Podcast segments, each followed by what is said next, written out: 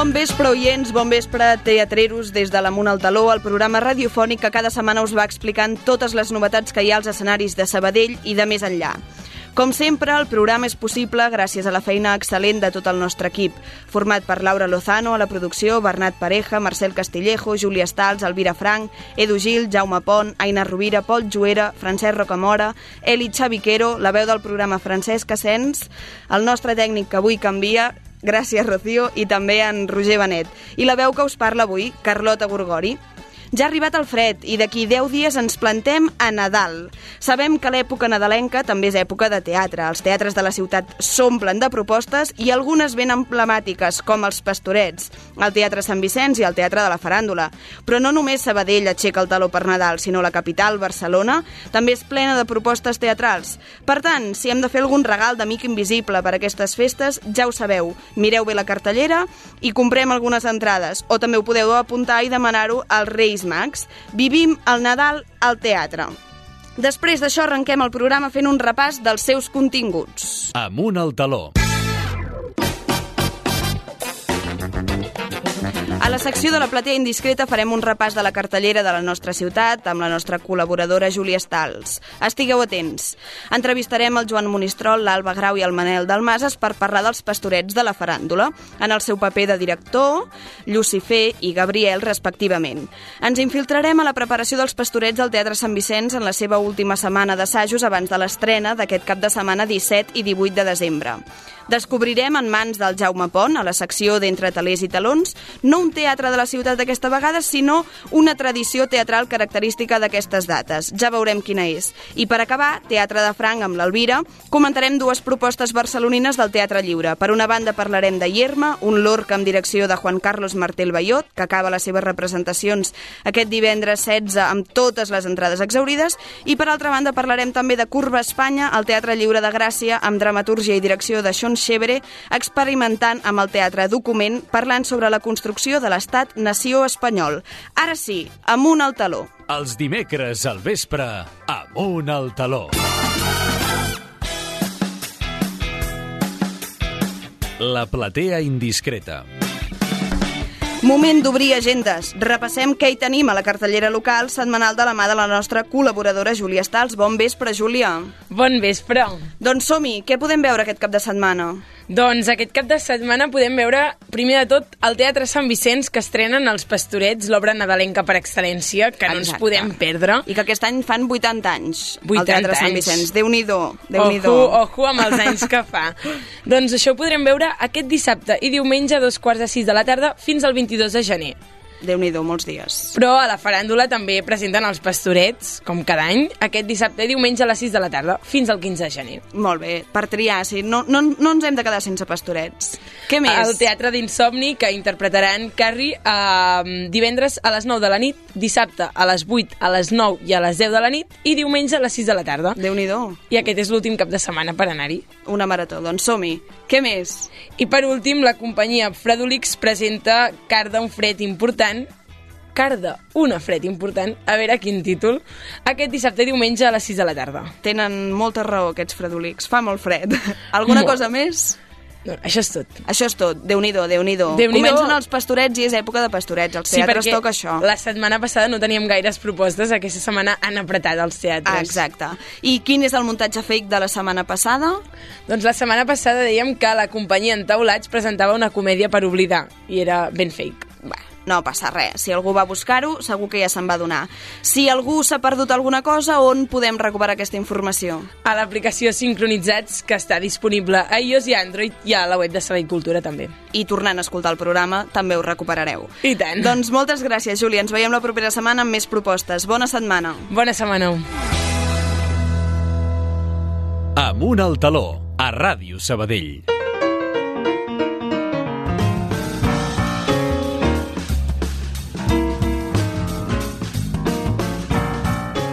L'entrevista. Avui tenim a l'estudi el Joan Monistrol, l'Alba Grau i el Manel Dalmases per parlar dels pastorets de la joventut de la faràndula, un text teatral que torna Nadal rere Nadal a l'escenari de l'entitat aquest any amb 75 anys d'història fent aquesta, aquest text i aquesta representació per acollir a famílies o a tot tipus d'espectador que volen gaudir d'una bona estona amb el clàssic de Josep Maria Folk i Torres. Primer de tot, bon vespre a tots tres i moltes gràcies per ser aquí. Bon Hola, vespre, bon bon vespre, vespre. gràcies. A vosaltres, per convidar-nos. Com dèiem, Els Pastorets o l'Adveniment de l'Infant Jesús és un text que el públic la majoria de públic coneix milimètricament aquest text ja, ja que molts d'ells repeteixen com a espectadors cada any, ja gairebé com una tradició familiar el dia que toquen a veure els pastorets. Doncs com s'encara una direcció d'una obra que el públic ja coneix, ja la té feta? Doncs uh, és una arma de doble fil, no? Um, perquè uh, si ja tothom s'ho coneix, uh, això vol dir que és bo, perquè és com una... No? És, forma part de, de la seva tradició, de les seves emocions, i això, connectar amb això és bonic, però alhora pot portar un, una repetició, un play repeat no? de cada any, que això pot passar a ser poc interessant. I llavors eh, mm, era un dels reptes, poder, poder mm, fer una mirada dramatúrgica per, per a veure si despertàvem l'interès d'alguna variant perquè això fos una mica més interessant i que ens poguéssim parar a què estem dient i com ho estem dient i, i que la gent del públic també, sense posar-se les mans al cap, pogués notar alguna diferència en aquesta, en aquesta cantarella ja tan sentida, no? Clar, difícil, però també jo crec que, que és un text amb moltes coses per treure-li, que potser ens hem acostumat a treure-li sempre, no?, aquí, en aquest punt, en aquest punt dramàtic, no? Vull dir que és un text molt, molt complex que també ens dona oportunitats noves, segur, uh, i suposo que també us passa, uh, Manel i Alba, a interpretar personatges que, clar, a 75 anys són moltes persones que els han interpretat de moltes maneres diferents i a vegades sempre queda alguna cosa de no? dels actors i actrius que, han, que, han, que ho han fet. Clar, com jugueu amb l'equilibri d'aprofitar allò que ha funcionat, allò aportar el vostre granet de sorra als personatges? Bueno, jo poder ho tinc més, més complicat a l'hora de la veritat, penso, perquè tinc... Bueno, el personatge que faig jo és el Sant Gabriel i surt dos cops, fa dos paràgrafs i se'n va. Vull dir que també és això, no caure en el fer-ho com s'ha fet sempre, però tampoc tens molts llocs per donar-li matisos. Llavors sí que amb el Joan hem anat tractant bastant el text i aquí amb quines intencions vol dir això i mirar això que dius, trobar-li una altra, una altra manera de veure-ho, però sent la mateixa, la mateixa essència, no? mantenint l'essència però ap- aportant el teu granet.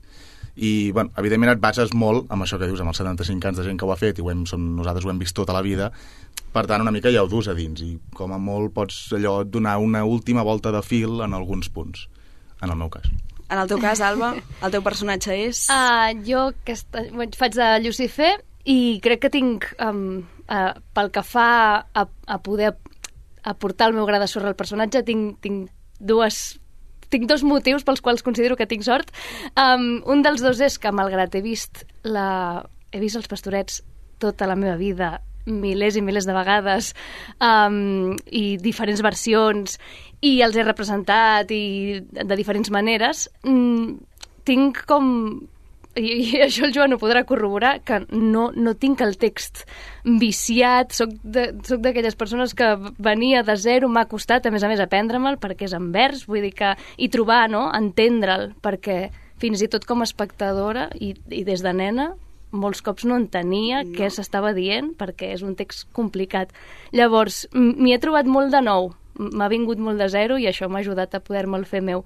I l'altra cosa per la que tinc sort és perquè, encara que volgués, no podria fer el Lucifer que es fa normalment, perquè un dels motius és perquè normalment l'interpreta un home, un noi, és un personatge que típicament és masculí, i, i enfrontar-m'hi jo des de la meva veu, des de la meva fisicalitat, des de eh, tot el que comporta ser, tan diferent al que s'ha fet normalment, ja m'obliga i, i en el bon sentit, a fer-lo molt a- diferent. a En aquesta taula els dos eh, compleixen aquesta, aquesta norma, eh? Sí. perquè el Manel també interpreta un personatge que sempre havia sigut una noia um, buscant segurament um, aquesta part més dolça, més bonica. Més pura, i, i, més de- no? de I la nosaltres perfecció hem, del cel, no? De- Expressament hem volgut estripar això um, voluntàriament i explícitament i posar una masculinitat um, eh, com l'entenem majoritàriament i, i posar-la fent aquest paper. I en, I en el cas del Lucifer exactament el mateix, però al contrari. Al contrari. I, i, aquest, I això en, en altres papers, però en aquests dos concretament era molt explícit. Bueno, doncs mira, una manera també de, de, de reformular pastorets és, és fer aquests canvis mentals que dèiem que tenim tan establerts, de, de trobar coses noves que sorgeixen soles, a vegades quan, quan et plantes davant de, de l'obra. Tot i ser una obra que s'ha representat tants anys a l'entitat i a la ciutat, continua sent un espectacle popular i exitós, que omple les platees, eh, que la gent surt contenta de veure els pastorets. Per què passa? Si ens els sabem, els hem vist. És bèstia, Què eh? passa? És bèstia. Què Jo- tenen? Ho vaig veure quan, quan va, es van obrir les entrades, amb, amb una setmana, re, en unes hores ja fèiem mil i alguna entrades i ara estem a totes les platees plenes, menys l'últim cap de setmana, però perquè és normal, perquè ja estem al gener, la gent ja no sap què són els torrons, però, però és molt bèstia. La gent respon... I, I en un moment on els teatres estan buits. O sigui, els teatres de, de Catalunya estan buits i, i, i és al·lucinant. També l'altre dia anant a la coordinadora de pastorets eh, de tot Catalunya eh, parlaven de- d'aquest eh, moviment aglutinador de, de persones que mm, és igual de quina, de quina banda política siguin, eh, grans, petits, eh, de cop es troben i van a veure un espectacle envers de fa 100 anys eh, que parla sobre uns bons i uns dolents i, I que ja els un, han vist, religió, segurament. Que és el que dèiem, els hem vist milers sí, de sí, vegades sí, sí. i repetim. I parlen de religió, d'una cosa molt arcaica que avui està caduca segurament i, i tothom està allà i aplaudint, i... però perquè jo crec que ens connecta amb, amb el nen, amb el nen que portem a dins i perquè ens fa emocionar i perquè, sí, i és, un- és una història d'aventures en el fons i això és el que ens, ens enganxa. I que jo crec que ho hem assumit com una cosa més a fer a les festes de Nadal, Sí, no? fa Com Nadal. qui fa caga el Nadal. tio, no? Que dius, un any si no el cago, què passa? Doncs Exacte. què passa si un any no vaig a veure els pastorets? No és Nadal, no? Sí. Potser és, és ja una, una tradició. I moltes famílies tenen com el dia ja. Bueno, doncs el dia 26 anem als pastorets, no? O el dia de... Ja és el dia Sí. que toca, que De toca fet- fer família, que toca fer Nadal. Sí, sí, sí. A la primera escena de l'espectacle, al pròleg, hi ha un moment que el lloguer li diu a l'àvia diu, aquest any ni pessebre, ni tió, ni res. I l'any passat eh, estàvem fent tot això, no? I, i sí que és veritat que si, si no fas eh, eh, si no muntes l'arbre, si no, no fas aquestes eh, tres o quatre pilars nadalencs, sembla que no Sembla que no, que no, facis visquem el Nadal. Uh, moltes entitats, escoles, uh, grups de teatre porten aquest text dalt de l'escenari, però cap entre ells és igual que un altre. Què podem dir que caracteritza els pastorets de joventut de la faràndula? Què podem dir-ho? Tots tres, des del vostre punt de vista Endavant. com a, com a Sí, sí, persones sí. que ho viuen. Què els, què, si ho haguéssiu de definir, què són els pastorets de la faràndula? Mhm. A mi el que, el que més me'ls destaca d'altres pastorets que he vist eh, és a nivell tècnic, l'escenografia i el muntatge, que, bueno, no sé si potser només és jo, perquè són els de casa i això, però em genera com un, una sensació d'estar ben bé allà que no he vist en altres espectacles. Mm -hmm. Molt bé. És veritat, és una escenografia eh, molt antiga, de 20 anys d'història, em sembla més, eh, més de 20 anys, eh, que pretenia ser realista i, i figura... O sigui, mm, la, la pretensió ha complert les expectatives totalment. I, i això s'ha mantingut que passa que ja té molts anys i pobra, si la veiéssim, si, si la gent Si del la públic la veiés per darrere, darrere dirien això s'aguanta amb un pal. No, però, però, però és fort, perquè això vol dir que ha funcionat. Um, clar, per mi, si, si sóc totalment honesta, és, és una... El motiu és molt subjectiu, és, és com molt intern i, i és molt senzill. És que són els pastorets que, que he vist des de petit, els que he viscut de prop i els que insisteixo, molt, molt subjectivament i, i parlant des de, des de la nena que els veia, són els autèntics per mi. Clar, sí, sí. són, són els pastorets. Llavors, um, doncs, a banda d'això, i ara com a adulta i, i com a actriu, penso que, que malgrat no n'he vist moltíssims, no, no he vist moltes produccions diferents, però sé que, que la joventut de la faràndula a mi em destaca molt pel nivell normalment interpretatiu, la, la direcció que sempre... Um, el que parlàvem abans, podríem caure a fer sempre el mateix i a ficar tots la mateixa cantarella. En el món del teatre professional, quan una persona fa moltes cantarelles, ja se li diu fer pastorets. Vull dir que és aquest el nivell. Per tant, um, és, és molt guai que, que intentem fugir d'això i que tant a nivell dels actors, interpretatiu com a nivell de direcció, sempre s'estiguin intentant apretar més rosques, intentant millorar, intentant fer-ho diferent, intentant no caure. I això els fa molt vius. Llavors, per mi és això el, Això és el caràcter, és caràcter faranduler, això. Eh? És joventut de la faràndula, som, som molt, molt crítics amb, amb tot el que fem i cada coma, i llavors hi ha els socis tribuneros, això ha quedat tort, Això això no sé molt. què, això s'ha de canviar.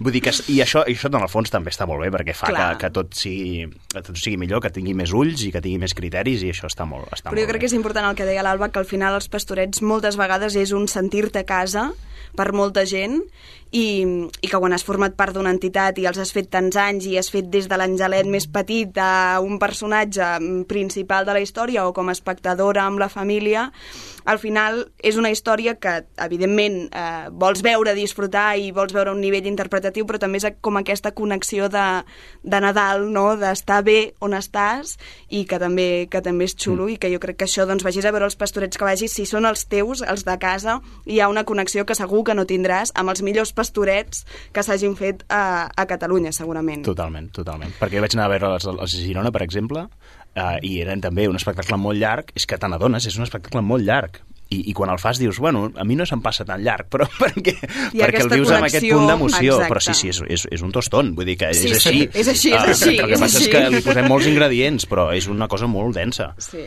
En els últims temps es posa èmfasi en les revisions dels texts clàssics, en trencar estereotips, en trencar masclismes que hi ha en els texts. Els pastorets fan molts anys que es van escriure, tenen molts tòpics, tenen molts estereotips. Com heu fet una revisió del text, heu intentat lluitar contra això amb els petits granets de sorra sense modificar l'obra? Sí. Sí. sí. Sí, sí, la resposta és sí. Uh, no, no sé si ens n'haurem en sortit, ni si jo haig de ser la persona que, que acabi configurant aquesta, aquesta dramatúrgia, però, però sí que a, a l'hora d'assumir aquesta direcció era, a, a mi se'm feia bastant impossible fer-la tal qual estava escrita. Uh, i, I llavors vaig començar un procés de revisió que vaig intentar anar-me absorbint, vam fer també unes, unes sessions de, de, de taller de pastorets que en vam dir, on tothom deia el seu punt de vista, quin, quin, què opinaven sobre els rols de, de gènere en l'espectacle. Um, vam també anar a formacions de la coordinadora, que hi havia una formació que es deia uh, tradició, modernitat, equilibri, bueno, hi havia com tot una... Uh -huh. I, i aquesta, aquesta reflexió filosòfica i, i bueno, jo crec que la versió que es podrà veure aquest Nadal és probable que els puretes els molesti i que als feministes uh, uh, els hi sembla insuficient. Jo crec que estarem, perquè estem en un punt entremig um, que que és complicat, perquè vols, vols seguir explicant la mateixa història i si volguessis fer un espectacle feminista no faries pastorets. No faries els pastorets. No, no, això està clar. Escriuries un altre text. Exacte. No? Faries... Però jo crec que ja és, ja és important el que dèiem, aquests personatges que, que no, tenen, no tenen sexe, no tenen gènere, són éssers, àngels, eh, diables, trencar amb la tradició que s'havia fet, els diables normalment eren senyors interpretant els dimonis i els àngels eren noies, normalment, Mhm. interpretant aquest moment angelical, uh, però ens costa canviar a vegades o els personatges que sí que estan escrits amb un sexe però que el seu sexe no té res a veure amb la història. Per no? això, A però això, vegades- jo els hi dic, jo crec que els he dit bastantes vegades, teniu una responsabilitat, perquè sou els que no, esteu canviant un paradigma. Que quan, quan, mm, jo crec que t'ho han dit alumnes de, del, del Songi, no? Digues tu mateixa, que t'ho han dit a tu mateixa, sí, sí. Uh, sí, perquè com que mm, porto l'escola de, de teatre de Son Gicune, uh, coincideix que uh, és normal que hi ha... Um, hi ha joves que estan a tot arreu, vull dir, els tinc a l'escola, són, són també de, de l'entitat, de la faràndula, llavors um, te, tenim de vegades oportunitat de, de parlar, de compartir, i m'han comentat, de fet se'm va quedar gravada una frase que em va dir, una de les meves alumnes em va dir, tant de bo fos normal i no fos una cosa superforta que Lucifer sigui una noia. I Sí, sí, sí. li vaig dir, tant de bo, sí, sí. Bueno, però potser Per és el... comencem. Exacte, Exacte, és no? és- Comencem i d'aquí uns anys serà sí. normal que Lucifer sigui una dona, que Gabriel sigui un home, no? I que quan es comença és estrany i trenca esquemes, però trenca... O sigui, quan crides l'atenció és quan algú funciona també, no? I tens l'oportunitat després d'obrir camí i de començar a canviar més coses. Totalment. Un home i una dona i una masculinitat i una feminitat Exacte, que, també porten una cua llarga. Exacte. Va, per acabar, us faig un petit test pastoril. A veure Ui, com anem de Let's fàcil, play. fàcil, fàcil, val? Us llegiré algunes frases mítiques del text, m'heu de dir Potser qui les les hem diu. canviat, ja. Clar, Clar, ja no és el text. Potser no són Potser aquestes. la nova versió ja no això. Sí, em dieu qui les diu durant la representació. La primera, closques de coco esclafades. Home, Eren Jatzé. llamps de llamps. El diu el Jatzé, no? Aquesta? Sí, no? No, qui, qui la diu? Qui la, La diu, diu? Satanàs, Satanàs. Satanàs en el moment que l'enganyen per complet. uh, segon, prou blasfèmies i heretgies, miserable criatura. Qui la diu, aquest? Com la vol dir, qui la diu? Sant... Mi... Qui? Ah! Ai, Sant Miquel, en una Sí. de les seves primeres entrades, Anem molt de sobrats, però n'hi haurà una que no la sabrem. Ah! no? No, no. amb sí, sí, l'oli de la caldera hi podreu fregir pebrots. Sí. Ui. Ah, Lluquet, sí, Sí, sí, sí, sí, sí, sí, final Lluquet, de... Lluquet. Sí, sí, sí, final Quan del primer Boston se'n va corrent, però té ganes Sí. de repicar una mica. Quarta, feliç de vos que us podeu deturar en un hostal. Ui, tant. Feliç de vos.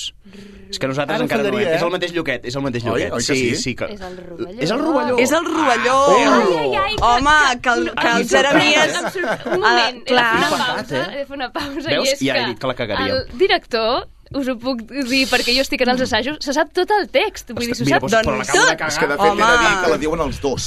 Sí? Aquesta frase. Vale. En Rovelló té raó, feliç de vos que us podeu Ah, tirar en ah, però clar. Manel m'has salvat. Però qui diu només feliç de vos? Només aquesta la diu. Gràcies, El Manel. Gràcies, Manel. Vale, va. I l'última, l'última, no ho puc negar, no t'hauria conegut ni poc ni molt. Aquesta no... No ho sabem. no diu, aquesta. L'Alba no ho sap.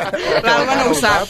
Mi- Però aquesta, eh, la versió farandolera, és, és una mica És diferent? diferent. Doncs va, Alba, com és en la versió farandolera? Sí, de, de fet és ba- bastant diferent. Sí, sí, sí. sí, sí, sí. perquè...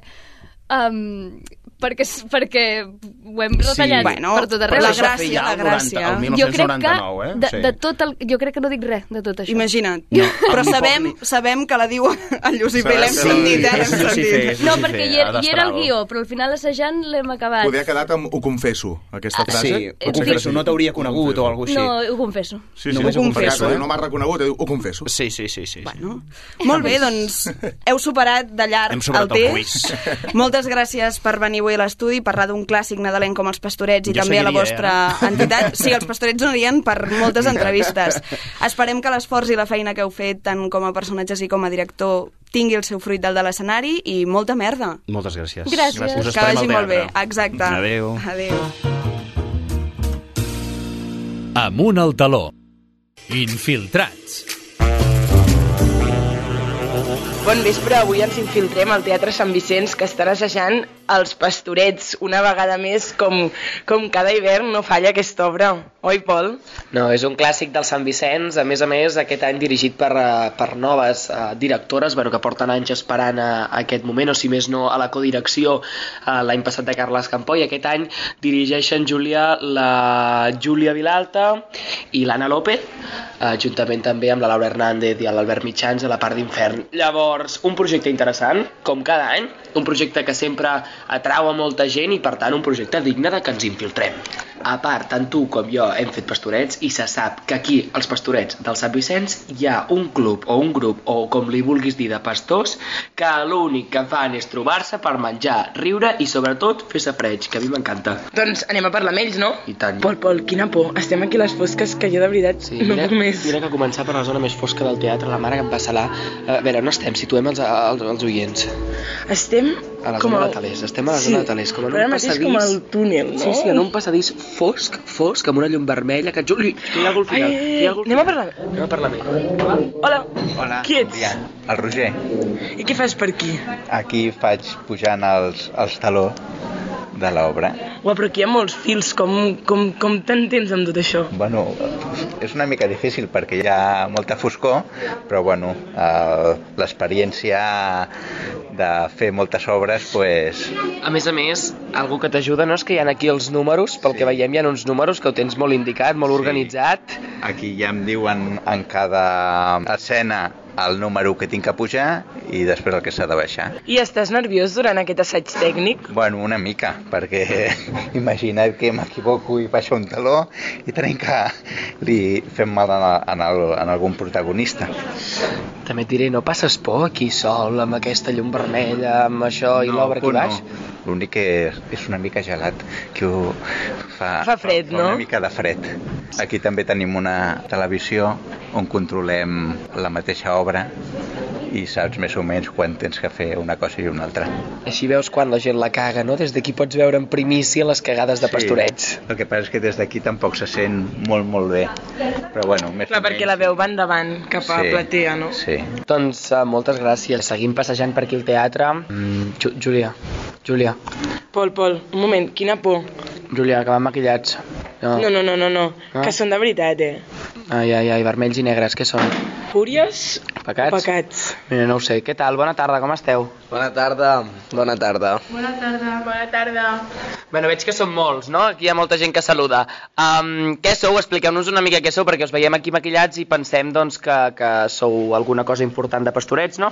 Com que què som? Però que ho has dubtat en algun moment. Som els pecats capitals del Teatre Sant Vicenç i amb aquest maquillatge que has vist um, no et pots resistir a venir a veure l'obra. Que teatreros, Júlia, que teatreros. Són massa teatreros. Ens eh? encanta. Bueno, molt posats en el paper, això està bé. Això està bé, això està, bé. Els pastorets sempre s'ha d'estar posat, no? És un personatge que no abandones durant tot l'any. A veure, a veure, expliqueu-me coses. Abans de res, abans de preguntar-nos per l'obra. Vull safreig. Què tal? Males relacions entre vosaltres? Tot bé? Com, com és treballar Clar, perquè, un moment, cal dir que som molts i aquí deuen passar coses. A part de fer teatre, què passa? A veure, sí que és veritat que de tant en tant hi ha una mica de marro, aquestes coses, algun que fa més pudor que altres, no sé què... Ah, hi ha algunes enganxades, clar, a veure, com que a vegades és el que diu el Pol, ens posseix una mica el personatge, no? No podem allunyar-lo de la nostra persona, aleshores surt el dimoni interior i ens discutim una mica entre nosaltres, però sobretot els pastorets també uneixen molt, fan molta família, o sigui, també hi ha marro del bo, diguem-ne, no? Jo crec que hi ha molt bona relació entre en plan, totes les persones del projecte i pues, estem molt encantats. A més a més, passem moltes hores junts, fent assajos, obres, o sigui, es crea una gran família, a més que passem tot el Nadal junts, és molt guai. Passeu tot el Nadal junts, no us fa una miqueta de, de pal o de mandra haver de venir segons quins dies, per exemple, el dia de Reis o el dia de Nadal, haver de venir aquí a fer pastorets, llevar-te, venir a les 4 de la tarda, a Oh. aixecar-te del dinar, maquillar-te de color vermell i negre que se't queda l'endemà a l'escola. Tot això, què, què us suposa? O, o us simplement ho feu per felicitat i perquè us agrada, no?, venir pastorets perquè us, us agrada el projecte, us atrau. A vegades sí que estàs allà a la taula al dinar i penses, ostres, ara he d'aixecar-me i anar fins al teatre, uf! Però un cop hi arribes, és que és com, és com estar en una altra família, un altre dinar, o sigui, arribes, coneixes a tothom, saludes, hi ha molt bon rotllo, tothom, perquè tothom està en la mateixa situació, hi ha també festa, hi ha... O sigui, no, no està tan malament com, a, com pot arribar a semblar. Creieu que aquesta família que es crea és algo essència de Pastorets, l'obra de Josep Maria Folch i Torres com a tal, o és algo de, de, de només el Sant Vicenç? Creieu que és el format? Home, els pastorets ja de per si fan família i ajuden, doncs això, perquè tot és molt... És una obra, doncs, que vulguis o no, és molt maca, ensenya uns valors molt... Molt tradicional, molt Clar. familiar, a més a més. I a part d'això, sí que és veritat que aquí al centre, doncs... Jo crec que els pastorets és una molt, bona, una molt bona representació del que és el centre en si, perquè aquests valors tradicionals i familiars és justament el que promou el centre parroquial Sant Vicenç. Quant temps fa que feu els pastorets? Jo ara farà 3 anys, 3 anys. Però aquí al centre, no sé si preguntes això, però aquí al centre hi ha 80, 80 no? Aquest any se celebra el 80è any de, de pastorets. Correcte. I vosaltres quins personatges heu fet, a part de, de pecats? Jo he fet Fúria i aquest any estic fent de pecat. Jo eh, fa molts anys vaig fer d'àngel i ara és el primer any que faig de pecat. I com és aquest canvi d'anys a la pecat? Passar del cel a l'infern, com és això? Com ho portes? Doncs és molt xulo, a mi m'agrada molt. I tu passes molt bé, no? Sí, és molt guai.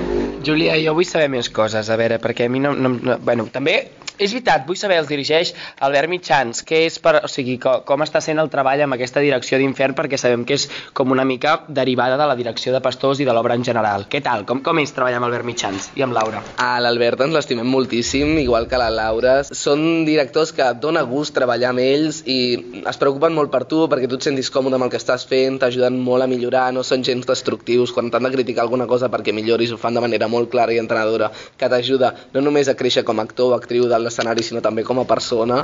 I molt bon tracte, molt bon tracte. O sigui, de veritat, una direcció pràcticament excel·lent. Jo també volia preguntar, per posar en context una mica a l'audiència, sou joves, sou jovent, o sigui, tenir entre 16 fins a 17 anys, és una edat que últimament també hem de tornar a repetir que ens trobem als teatres i això ens agrada, uh, la veritat és que ens dona esperances. Jo volia preguntar-vos que l'edat que teniu suposo que no és fàcil en segons quins dies d'assaig a la tarda o en segons quins moments haver de dir no puc quedar, tinc pastorets, no puc fer això, he d'assajar, ja no només a nivell pastoret, sinó a nivell de totes les obres, com ho viviu aquests moments a vegades de, hòstia, no puc perquè he de... Compaginar la vida social amb la vida teatrera que porteu aquí al Sant Vicenç. De vegades sí que fa mandra, en plan, dir, no puc quedar amb els meus amics i ara he d'anar al teatre, però és una altra manera de quedar, o sigui, igualment estàs fent una vida social, amigable, d'altre grup que no sigui també l'escola o els seus amics més propers, però sí que és difícil compaginar perquè passem moltes, moltes hores aquí al teatre, però al final és que s'acaba gaudint.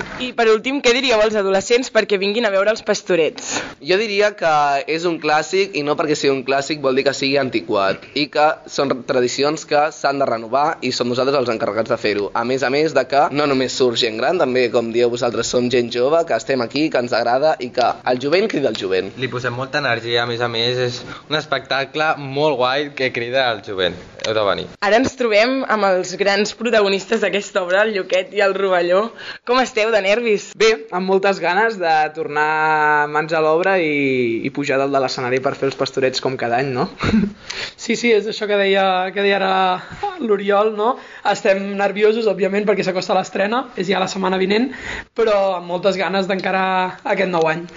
Jo sempre he tingut una inquietud, quan era pastor, i ara, com a periodista. Lluquet i Rovelló, que són els, els grans protagonistes d'aquesta obra, comparteixen escena amb molta gent, amb, amb, molts, amb molts actors i actrius que poder no tenen tant paper. La meva pregunta és, quin és com, com és la vostra relació amb tot aquest projecte tan gran? Com els veieu? Ja feu família, no? La sort d'aquí als pastorets del Sant Vicenç, com a mínim, és que sempre al ser així pues, de barri, no?, i que al final doncs, hi participem gent que no ens hi dediquem professionalment, doncs amb, sempre hi ha aquesta il·lusió per part de tothom, no?, doncs, de fer família, sobretot, i de passar-nos-ho bé. Per tant, la nostra relació amb la resta de pastors, pastores, fúries, pecats, tothom qui hi participa, no és d'això, doncs, de, de superguai, de passar-nos-ho bé als assajos, de parlar, de conèixer-nos i res, de fer família en general aquí al teatre. Bueno, jo crec que també ajuda molt a que ser els pastorets aquí al Sant Vicenç, nosaltres els hem fet tota la vida, i vull dir, has fet de molts personatges, has fet de fúria, de pecat, de pastor, has fet de tot, i també els propis pastors o fúries o pecats també han fet d'altres personatges, vull dir que t'has anat coneixent en diferents ambients,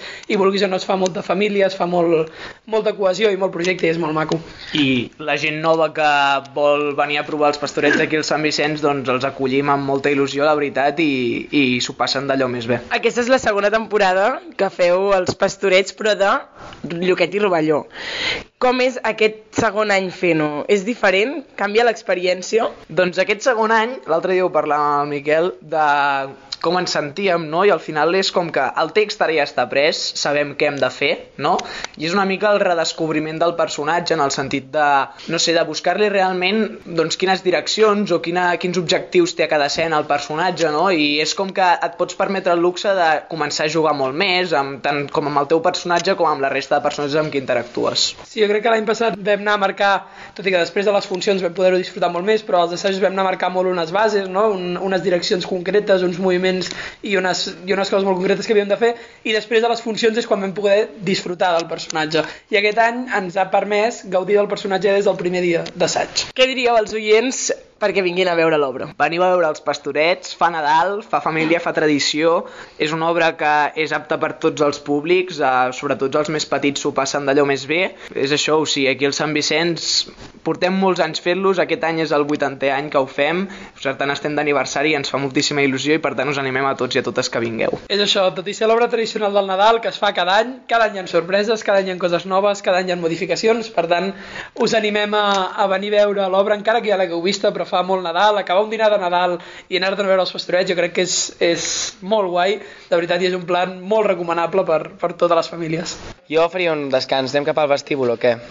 Anem cap al vestíbul perquè jo també m'estic cansant molt, eh? A més, hi ha el bar, i al bar qui hem de trobar? Els pastors. Mira, aquí estan. Ens trobem amb un pastor. No, jo, jo no sóc pastor. Bueno, també sí, sí, sóc un pastor. Sóc el Sant Josep. Sant Josep, una pregunta, és el pare del nen Jesús? Home, Qui si no? Ah, val, és que a vegades em confonc. Aviam, Pol, vine, vine cap aquí que t'explicaré una miqueta d'història. Què vols saber? No, jo vull saber com està sent fer de, de Josep. Home, fer de Josep ara en aquest moment em reporta la meva joventut, perquè jo, quan era més jovenet, cap allà als 20 anys o així, ja vaig començar a fer de Sant Josep i ara en tinc 63. I el Sant Josep llavors què és? O què ha de ser? Més jove o més vell? Home, més vell, que sí. passa que em, em caracteritzaven de manera adequada, em posaven una barba com, com il fo i, i també doncs, em, em maquillaven adequadament per, per l'edat, però vaja. El portar tants anys fent de Sant Josep, com vius aquesta experiència? Cada any mm, trobes algú nou en aquest personatge? A veure, eh, jo durant la meva joventut vaig estar fent quasi bé 15 anys de, de Sant Josep, després vaig fer en Peron, eh, ara fa uns 10 anys vaig tornar a fer du- durant 3 o 4 anys i ara aquest any m'he reenganxat. Home, per mi doncs, és una emoció, no?, perquè és un paper doncs, que ja vol ser de, de carretilla, com es diu, no? Ens has dit que hi ha hagut diversos perons al llarg de la teva carrera, eh, de la teva carrera, per dir-ho d'alguna manera, aquí als pastorets. En aquestes diferents intervencions ha canviat molt, no ha canviat al llarg dels anys? O sigui, tu a la primera intervenció ho vas veure molt diferent de com és ara? Sí, i tant, i tant, i a més a més, eh, perquè els companys de repartiment són, són diferents cada any, i els temps canvien, i llavors jo també vaig avançant conforme doncs, el, doncs el temps doncs, va evolucionant. Aquí també ens trobem amb pastorets més petits. Tu de què fas? Jo de fúria. Una fúria! Ostres! També ens serveix. Una altra Infiltrem-nos una infiltrada. altra vegada cap a l'infern. infiltrada. Tornem a anar sota terra i ens trobem aquí les fúries. Què tal? Nerviosos? Va, és assaig tècnic, ens ho estem passant bé, ara podem descansar i ara hi tocarà continuar. Se't veu un expert. Quants anys portes fent pastorets? Ara Ja bufa. Quants? puc, puc portar 5, sí, uns 5 anys. I quants anys tens? A punt de fer 13. És a dir, quasi portes, quasi portes la meitat de la vida, de la teva vida sortint a pastorets. Sí. Com, com, ho, com ho veus, això, quan, quan sents aix- això que t'acabo de dir? Uà, a mi em fa molt content, la veritat, poder representar, sortir a, a fer els pastorets, molt xulo. Tots aquests anys han estat fent de fúria o no? Aquest és el meu segon any fent de fúria. Els altres anys he fet d'àngel i de pastor. Què els hi diries a, a la gent, sobretot de la teva classe o del teu entorn, perquè us vinguin a veure pastorets? Què és el que creus que els faria venir? Jo crec que aquí a, els pastorets són uns pastorets molt xulos, molt familiars i jo crec que s'ho poden passar molt bé venint a veure aquesta obra. Doncs que no hi faltin. Moltes gràcies. Doncs fins aquí l'infiltrat als pastorets del Teatre Sant Vicenç, que ha sigut ben interessant, perquè cada any van innovant. I al final, per molt que sigui una obra tradicional, no sé com s'ho fan, que hi ha innovacions. I jo m'he quedat amb moltes ganes de, de veure aquesta obra, perquè infiltrant-me no n'he tingut suficient. No, és una dosi de Nadal que, que vol repetir i, i per tant penso que nosaltres emplacem no, el públic a venir a veure pastorets del Sant Vicenç, també de la faràndula, que també és un dels pioners d'aquí Sabadell en fer pastorets, que anirem d'estrena a la faràndula. I tant que hi anirem. Per tant, res, una experiència molt maca, missió aconseguida, a una altra, tres infiltrats portem ja i seguim sumant, ens encanten i per tant... Ens seguirem infiltrant. Els dimecres al vespre, amunt al taló. Entre talers i talons.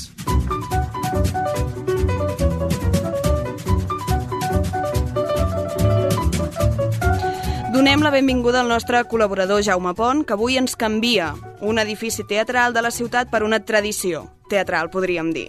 Avui parlarem sobre una tradició amb molta importància, crec, a la nostra ciutat. De què parlarem avui? Doncs sí, molt bon vespre, Carlota, i oients del programa. Continuem doncs, repassant la història. Passa que trenquem el marc cronològic que havíem anat seguint fins ara per eh, adequar-nos en aquesta època, que a més a més Sabadell, que és la ciutat del Nadal, per tant, Exacte. toca, toca, To- toca, toca. toca parlar de temes de Nadal. I, I si parlem de teatre i Nadal, Carlota, evidentment, de què estem parlant? Dels pastorets. Lògicament, lògicament. Uh, el, el, Entre talers i talons de- de- d'aquest mes el destinarem doncs, a parlar dels pastorets a Sabadell i també, especialment, perquè, a més a més, la tradició dels pastorets a Sabadell és molt important i aquest any el Teatre Sant Vicenç celebra els 80 anys dels seus primers pastorets, però és que, a més a més, la joventut de la faràndula celebra 75 anys, però és que, a més a més, també hi ha la primera temporada i van fer els pastorets. Per tant, ells també celebren 75 anys de pastorets. Imagina't. Per tant, ja veus que... Amb una eh, motxilla molt grossa, Sabadell, de No, pastorets, exacte, ja. i per tant no podíem passar pàgina de, de, de parlar d'això.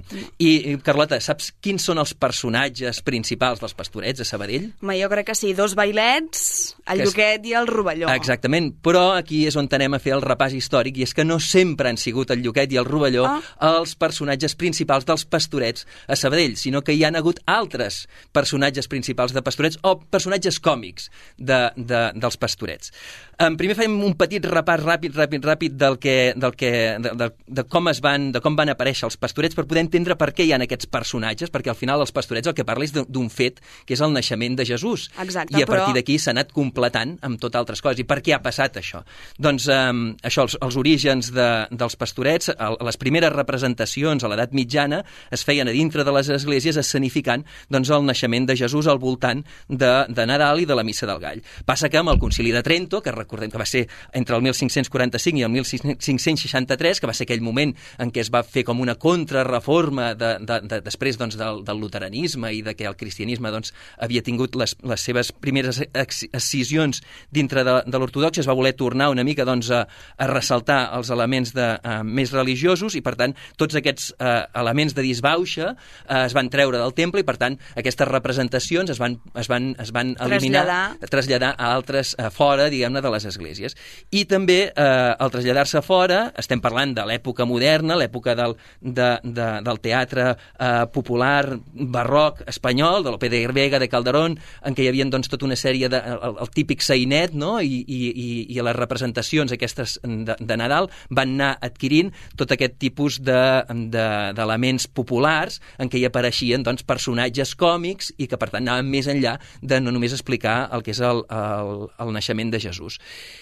I, i a partir d'aquí, això, això són una mica els antecedents dels pastorets. De fet, el, el primer, el primera referència escrita de, de pastorets es té el, el 1678 a Mataró, en un registre eclesiàstic en què es prohibien les, la, les representacions de pastorets. I, per tant, si es prohibien, vol És dir que, que es s'estaven fent. Exacte. clar. I, I a Sabadell, concretament, el, la primera cita que hi ha d'uns pastorets va ser el, el 29 de desembre de 1798, de mà del famós estudiós eh, Bosch i Cardellac. Que ja Ostres, sabeu 100 anys gairebé després de les primeres Exacte, referències. Exacte.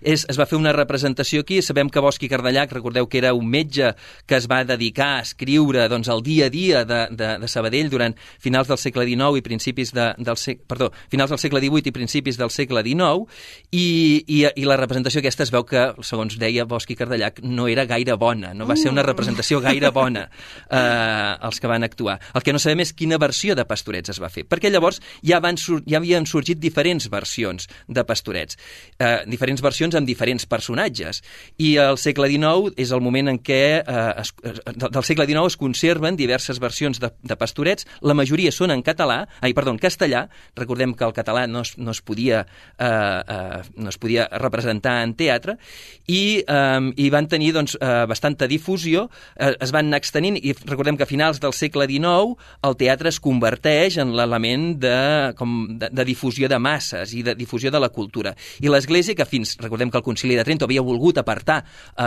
les representacions dels pastorets i les representacions de teatre del, del món catòlic, va voler tornar a agafar aquests... Va veure que hi havia una oportunitat. Exacte, que era un filó per, per, per, per reprendre, eh, re, re, tornar a recuperar doncs, eh, fidels i feligresos i, i, per exemple, aquí a Sabadell, gràcies a Fèlix eh, eh, Cerdà Salvany, val, es va fund, es va crear la- l'Acadèmia Catòlica i l'Acadèmia Catòlica serà doncs, l'espai on, es, on es representaran eh, molts pastorets. I, de fet, eh, Cerdà Salvany eh, eh, va, va demanar eh, a Ramon Rivera, que era eh, un, dels, un dels directors i, i, i escriptors de, que formava part de l'Acadèmia Catòlica, va demanar que escrivís uns pastorets especials. Perquè, de fet, els pastorets que hi havia llavors, eh, es, i com que tenien aquest to popular mm. i, i, i doncs no, no tenien prou qualitat, i li va demanar a Ramon Rivera que escrivís uns pastorets especials. I, de fet, tinc la, la cita ben bé, diu, m'agradaria, Ramon, que per a donar una innovació a aquesta classe d'espectacles escrivissis uns pastorets. Això li va demanar a, a Cerdà Salvany a Ramon Rivera. Que recordem que Cerdà Salvany, eh, sabeu, els, els, saps, Carlota, els padres, que estan Sí. davant de la plaça Doctor Robert, eh, tenen dos, dos, dos estàtues. Sí. Una és Antoni Maria Claret i l'altra és Cerdà Salvany. Mira. Cerdà Salvany era un integrista, era un, un, un, un, un, un capellà un, uh, integrista que, uh, que el, només et diré l'obra que va escriure, que és uh, El liberalismo es pecado. Val? I, per tant, no sé què opinaria ara Cerdà Salvany al veure al davant, cara a cara, amb el calendari d'advent, amb el llaminer i tota la, tot el festival que tenim aquí a Sabadell Mm, Potser no muntat. demanaria girar-se. Exacte, potser, potser això, o, o demanaria un altre cop a Ramon Rivera que li escrivís uns, Uns altres, altres pastorets, pastorets. o alguna altra obra que fos també doncs, eh, que fos un espectacle doncs, amb, amb una qualitat, no, sense menys tenir el que s'està fent. Eh? No sé quina opinió tindria Cerdà Salvany, és curiós que ell estigui eh, davant de, de, de, del calendari de vent. La qüestió és que en, en Ramon Rivera va escriure uns pastorets que es titulen Els pastorets de llegenda, el 1913, estem parlant del Nadal de 1913, es van representar a l'Acadèmia Catòlica i fins i tot es va, es va editar i es van arribar, eh, es va editar aquest, aquesta obra i es van arribar a representar fora de Sabadell. I això és el que anem a dir que els personatges còmics, com en Lluquet i el Rovelló, d'aquesta, d'aquest, en aquest cas d'aquesta obra, eren en Pallofa i en Ballaruga. Ostres, Val? tu. O sigui que els primers personatges, els primers autòctons eh, de, de Pastoret serien en Pallofa i en Ballaruga. Però és més, l'Acadèmia Catòlica encara va, dintre de l'Acadèmia Catòlica, encara es van escriure uns altres pastorets que eh, fou Esteve Trullàs, que Esteve Trullàs també va ser un, un, un director, escenògraf, eh, molt destacat de l'Acadèmia Catòlica, i eh, en aquest cas eren els pastors de Betlem, i els dos personatges principals eren en Borrec i en Mutlló. I això va ser l'any 1922, val? 1922.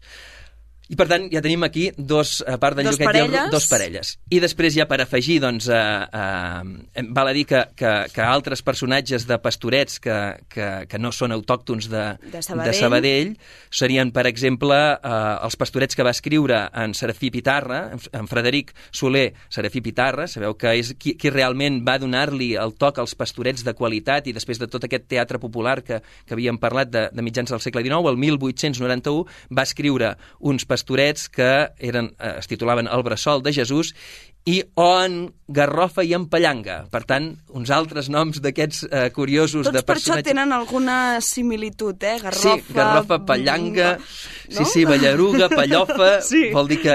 I és més, te'n diré més, eh? perquè en Lluís Millà, eh, el 1930, va escriure, aquest tampoc no era de Sabadell, eh, va escriure El naixement de Jesús i es deien En Borrego i en Carquinyoli, Mm?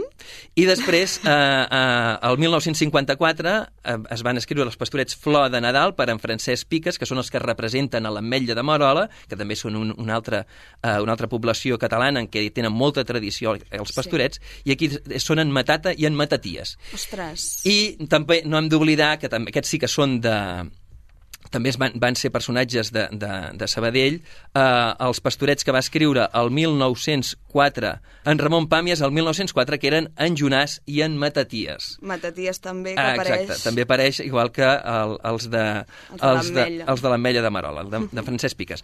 doncs bé, Carlota, ja ho veus, aquí doncs, eh, una mica és, És la... curiós com uns personatges tant que semblen ja de casa, no? Vull dir, com no sempre han sigut ells Exacte. i que a través d'uns altres també s'ha explicat, explicat el fet històric, que al final és la història Exacte, dels pastorets. del naixement de Jesús, sí, sí.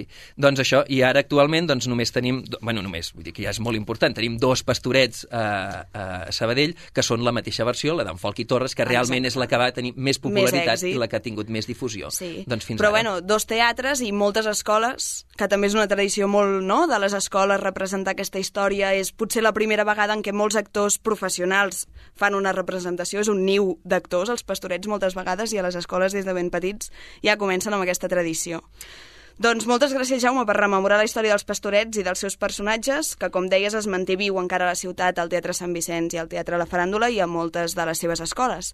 Ens veiem aviat parlant d'un teatre, suposo. Sí, continuarem parlant. Sí, o potser, com que estem amb això dels 75 anys També de... ens agradarà trencar. Sí, trencarem una mica Trencarem més. Sí, també. exacte. Doncs seguirem trencant. Doncs vinga, moltes que vagi molt bé.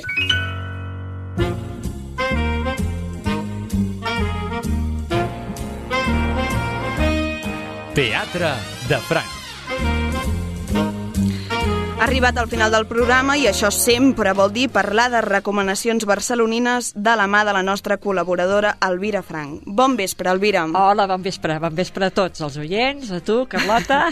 I a tothom. A tothom. Sí. Avui parlarem de dues propostes d'un mateix teatre. Exacte. Del Teatre Lliure, una a Montjuïc, una a Gràcia. Sí. Parlarem de Yerma, el Teatre Lliure de Montjuïc, que com comentàvem també a l'inici, Uh, deu haver estat un èxit absolut, ja que acaben aquesta setmana les representacions amb entrades exaurides. total. Per tant, a veure què ens en diu l'Elvira, però d'entrada bona senyal. Sí. I també parlarem d'un espectacle del Teatre, de, del teatre Lliure però de Gràcia, Gràcia, Curva Espanya, que a través del Teatre Document ens parla sobre la construcció de l'estat-nació espanyol Uh, veurem també què ens en diu l'Elvira d'aquesta. Com sempre, la meva opinió. Eh? Exacte, que, i que no tant. és la mateixa de molts espectadors, però jo Segur dic la que meva. cadascú, el bo és que cadascú ha de tenir la seva, si no Exacte. malament el teatre no funciona. Això mateix. Doncs som-hi. opinions de tot. Per quina comencem? Comencem per Yerma. Som-hi. De Federico García Lorca. Tal com has dit, el Teatre Lliure de Montjuïc, una de les obres més conegudes de l'emblemàtic poeta andalús. En entrar a la sala de Fabià Puigcerver, ens, ens la trobem transformada. El públic està disposat a quatre bandes. Al mig, en un espai rodó, unes cortines que envolten i al costat, a tots els costats, unes passarel·les.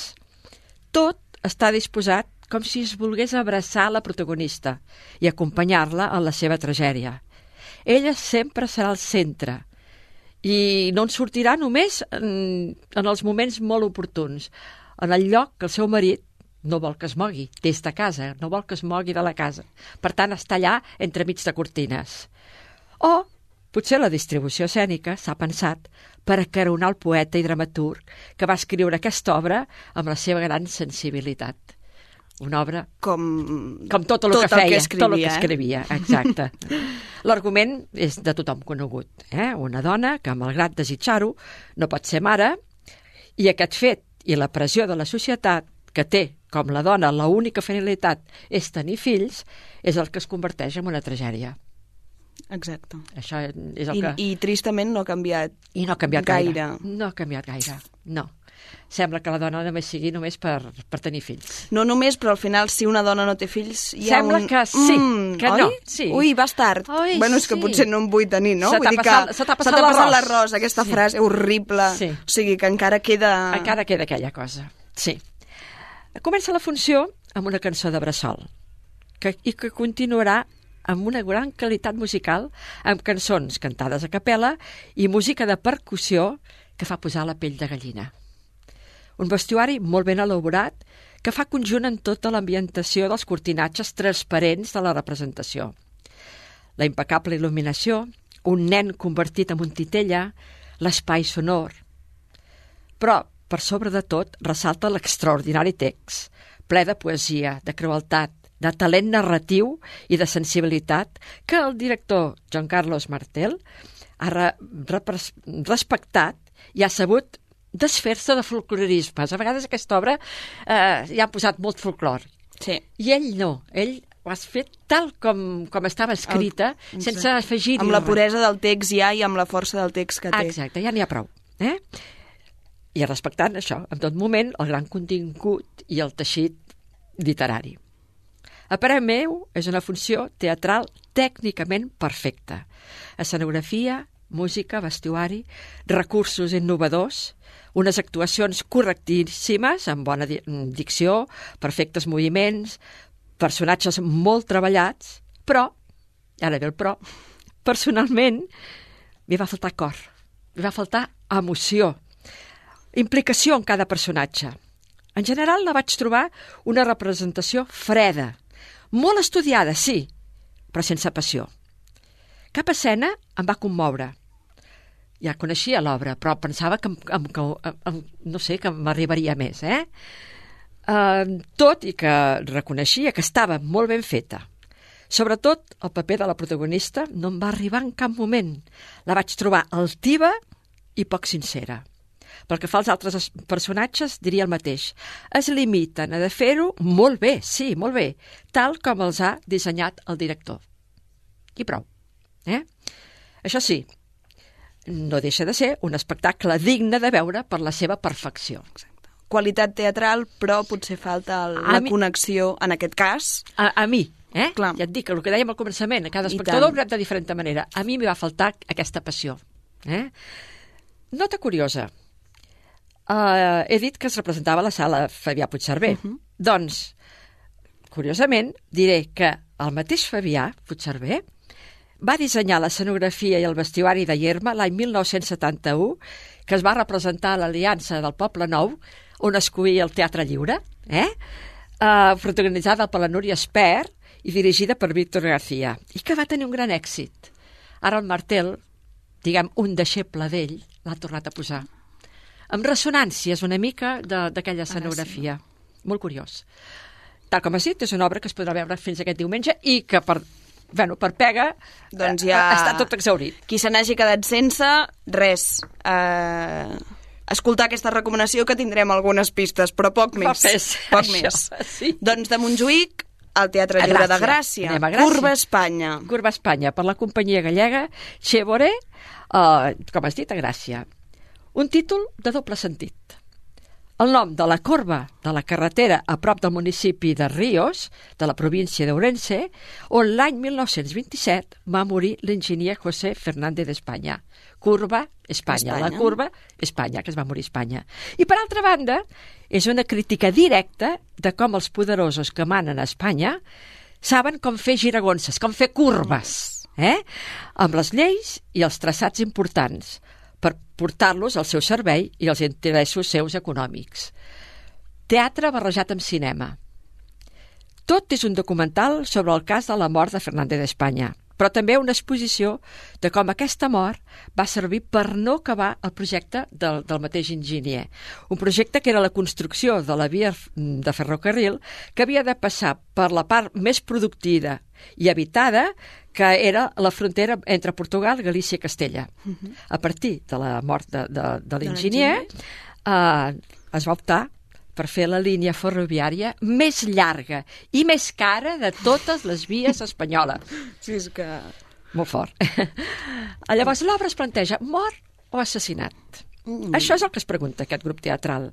I ho exposa amb un format que fa recordar la recent i exitós programa de TV3, Crims, de, part, de Carles Porta, eh? així com a investigació, no? Eh, segons eh, la versió oficial, l'accident es va produir per mala conducció i per la distracció del conductor. Però que era ell que conduïa, no el seu xòfer. I això ja és bastant significatiu. En aquell moment sí. conduïa ell. El xòfer es va salvar. Al moment de la curva sal va saltar del cotxe i es va salvar. I en Mm. canvi ell va rodolar i es va morir. Fort, eh? Però també, segons com diuen les veus populars, va ser un tramat per empresaris i polítics d'aquella època que no els interessava que el tren passés per aquella zona d'Ourense, sinó molt a prop de les seves propietats. A l'espectacle es veuen entrevistes actuals a veïns i veïnes del poble de Berín, un poble on havia de passar el tren. La llegenda es barreja amb els comunicats oficials de l'època. Estadístiques aclaridores de múltiples estacions de tren en desús. Documents que es van cremar, per casualitat, es van Mm, cremar... Aquelles casualitats que tot passa Sí. en el mateix moment i dius, ui... Sí, que es van cremar i que no s'han pogut recuperar mai més. Res, eh? clar. I la reveladora certesa que mai s'ha arribat a construir aquell traçat, sinó que s'ha respectat aquest tan llarg i tan car, el més llarg d'Espanya. L'actriu Patricia de Lorenzo i l'actor Miguel de Lira interpreten correctament diversos personatges. La majoria de diàlegs són filmats en directe per Lucía Estevez i la part tècnica que barreja l'espai sonor i filmacions són realitzats des de l'escenari, els espectadors ho veiem, eh, Mhm. per Leticia T. Blanco. Un tema desconegut, perquè s'ha tapat. I tant. Eh? Que el grup teatral gallec, justament d'allà, n'ha fet un espectacle d'investigació i crítica molt interessant i molt ben executat. Quina falta fa, eh? Saber episodis foscos de la història d'Espanya. I tant. Eh? I si el voleu veure, també estarà en cartell fins aquest dia, diumenge, dia 18 de setembre. Perfecte. Doncs moltes gràcies, Elvira, per aquestes recomanacions, aquesta vegada del Teatre Lliure, normalment amb bones propostes. Sí, sí, generalment no? sí. De, amb alguns peròs, però, Però podem dir que les dues aprovades. Sí, tant. Doncs ens quedem amb ganes d'anar a veure Curva Espanya si podem, i Irma ja, ja, Ja no, no. hi, ja no hi som a temps. Sí, sí per cas, llegiu-la, si no l'heu llegida, llegiu-la, perquè I és segur molt que interessant. per YouTube trobem alguna repesca d'alguna cosa que sí. per fer-nos en una idea. I tant. Doncs moltes gràcies, Elvira, i ens veiem la setmana vinent. A vosaltres, fins la setmana que ve. Gràcies. Adéu, adéu. El Teatre Sabadellenc a Ràdio Sabadell.